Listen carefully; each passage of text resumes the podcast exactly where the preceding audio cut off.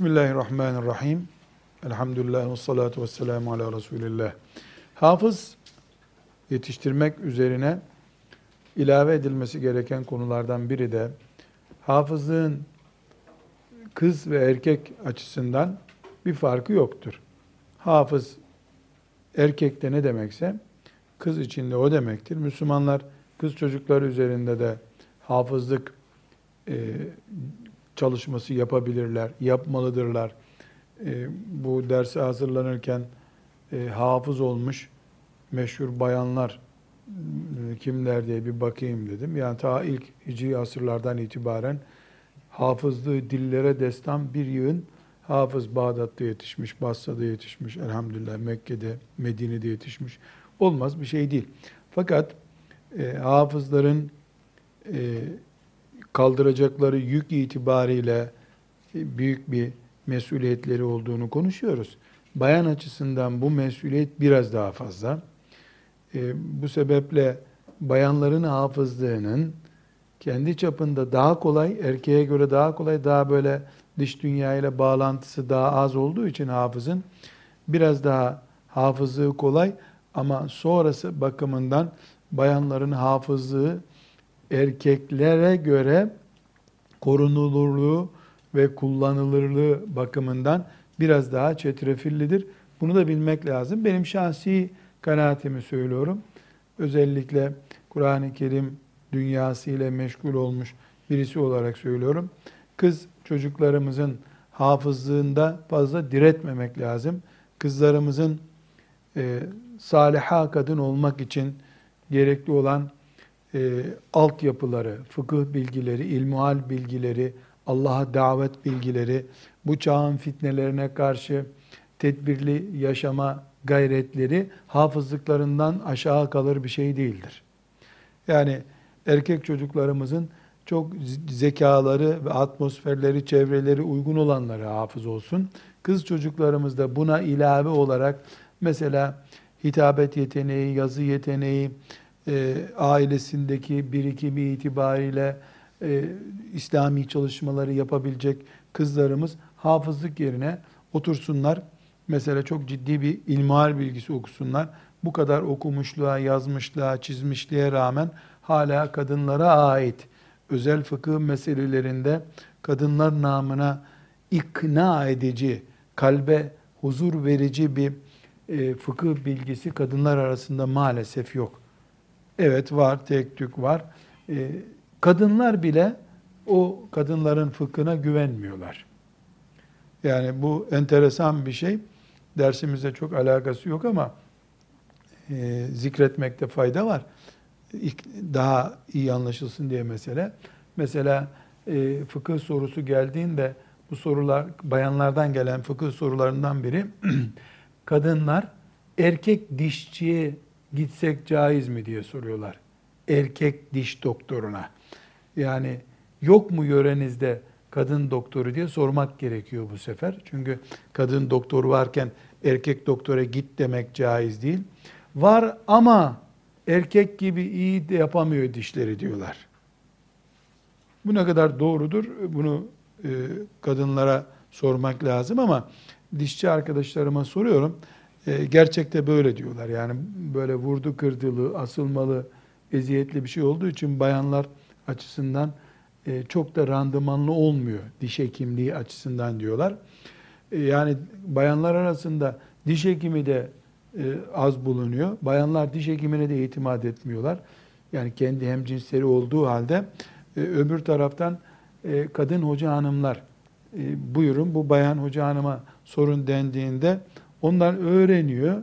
Telefon edip bir de erkek hocaya sorayım diyor.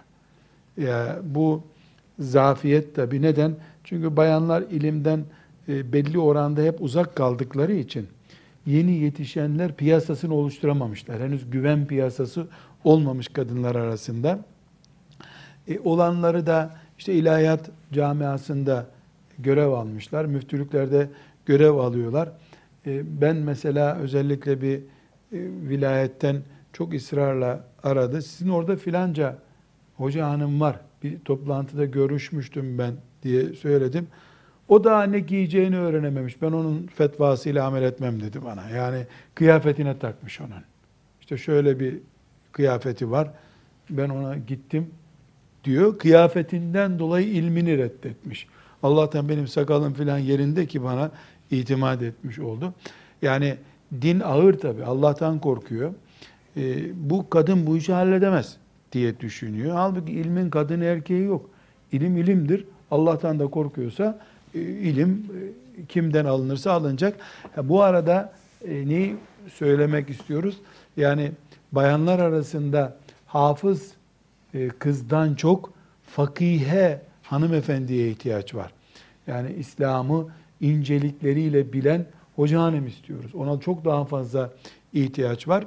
Elbette yani onlar da gelse gene her şey ıslah olmayacak ama e, kızlarımız hafız olsun olmasına fakat mesela bir kız çocuğu 12-13 e, ayda, 14 ayda bilemedin hafızlık yapabilir diye karar verilirse, o çevre sözünü ettiğimiz çevre atmosferde uygunsa ne ala, ne kadar mübarek bir şey. Ama kız çocukları 24 aydan daha uzun bir zamana yayılacaksa, önceden bunu biliyorsak ya da e, hızlı başladık da sonra bir gevşeme olduysa ki kız çocuklarının yani bayanlık sürecine yaklaştıkça e, o hafızlık gibi ağır bir yükü kaldırmada psikolojik sorunları, e, pedagojik sıkıntıları artabilir. Sıkıntı yok. Hemen kızcağızı asıl fıkıh ilmine, Arapçaya geçirtmek lazım. Yani nihayetinde hafızlık çok önemli, mucizevi bir iş ama e, Müslüman olarak illa onu yapacağız diye bir şey yok.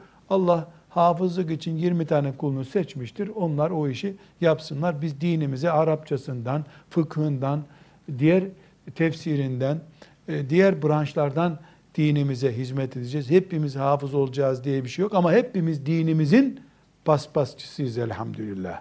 Dinimizin kapısında hizmetkarız hepimiz. Hepimiz. Bu şekilde kabul edeceğiz. Burada e, İslam'a hizmet için hafızlık şart değil. Ama şeriat ilimlerinde vukufiyet için hafızlık ciddi bir şarttır. İnsan hafız olmadan Kur'an-ı Kerim'in içinde mekik dokuyacak kadar böyle o surede, bu surede, şu ayette, bu ayette hareket edecek bir kabiliyeti olmadıkça e, şeriat ilimlerinde derinleşemez. Yani mesela nasıl tefsir ilminde derinleşecek? Yani hep yanında bilgisayarını gezdirip ayetleri oradan mı takip edecek? Bir hafız kafası bilgisayar gibi insandır.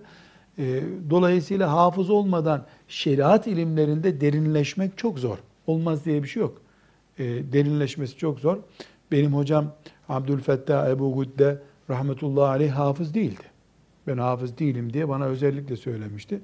Ama ben onun yanında Kur'an okurken hafız öyle değil herhalde diye okuduğumun yanlış olduğunu da söylüyordu. Yani o kadar haşir neşir olmuş ki Kur'an-ı Kerim'le zevk alarak Kur'an okuyor, Kur'an dinliyor. Yani hafız değildi ama hangi ayet nerede onu çok iyi biliyordu. Birkaç kere imtihan etmeye kalktı benim. Ben de o hafız değil diye nasıl olsa rahat cevaplar verdim. Baktım olacağı gibi değil. Mesela gemiye biniyorduk. Gemiyle ilgili bir ayet okun dinliyor. Durup duruyorum. Ee, bir şeyler okuyorum. O değil filan ayet daha iyi diyor.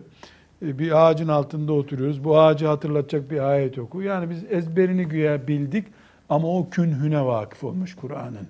Sırlarını yakalamıştı. Rahmetullahi aleyh. Hafız olmadan e, alim olunabilir ama e, 10 binde bir mi, 100 binde bir mi bir ihtimaldir bilmiyorum. Her halükarda şeriat ilimleri için hafızlık ana şartlardan birisidir. Evzai'den bir nakil yapacağım şimdi. Rahmetullahi aleyh. Ama iyi Müslümanlık için, İslam'a hizmet etmek için, destan yazacak işler yapabilmek için hafızlık şart değildir. Yani Halid bin Velid hafız değildi. Çanakkale'de de pek hafız yoktu. Ama İslam'a hizmette elhamdülillah e, tarih yazıp gittiler. Allah onlardan razı olsun. Burada hafızın önemiyle ilgili İmam Malik'in yani dördün, dört mezhepten bir tanesinin başı olan e, Malik bin Enes'in rahmetullahi aleyh hocalarından olan İmam Evzai vardır. Lübnan'da, bugünkü Lübnan'da yaşamıştır. İmam Evzai çok meşhurdur. Ee, Abdullah İbni Mübarek'in de hocasıdır. Abdullah İbni Mübarek tabiinin bildiğimiz gibi büyüklerinden. Ona da e, ondan sonra Sevri'nin hocası. Yani ciddi ilim sahibi ve fakih birisi. Yani fakih demek Kur'an var, tefsir var, Arapça var, ilim denizi demek. Sadece İmam Malik'in onun hakkındaki hocam diye başladığı sözler büyük adam olması için ya da e, bizim bugün burada e, sözünü itibar edip dinlememiz için yeterli. Alim mi alim, fakih mi fakih, müfessir mi müfessir, evzai. Yani herhangi bir ilim adamına evzai kimdir diye sorsanız İmam Malik ayarında, Ebu Hanife ayarında, İmam Şafii ayarında birisidir diyecek. Hadis ilminde de çok meşhur ve e, doğal olarak tabi 88'de vefat etmiş tabi'in neslinden. Şey, estağfurullah 88'de doğmuş. E, son sahabi Hicri yüzde vefat ettiğine göre yani çocukluk döneminde ashab-ı kiramdan bazılarını görme ihtimali yüksek birisi. İmam-ı Azam'ın yaştaşı. İmam-ı Azam'la beraber yaşamışlar. E, Velid bin Müslim isimli bir talebesi var. E, bu talebesinin bir hatırası var. E, Evza'i ile ilgili. Rahmetullahi aleyhime. Her ikisine de Allah rahmetler eylesin. Bu e, duyguları, bize yaşatanları çok önemsiyorum.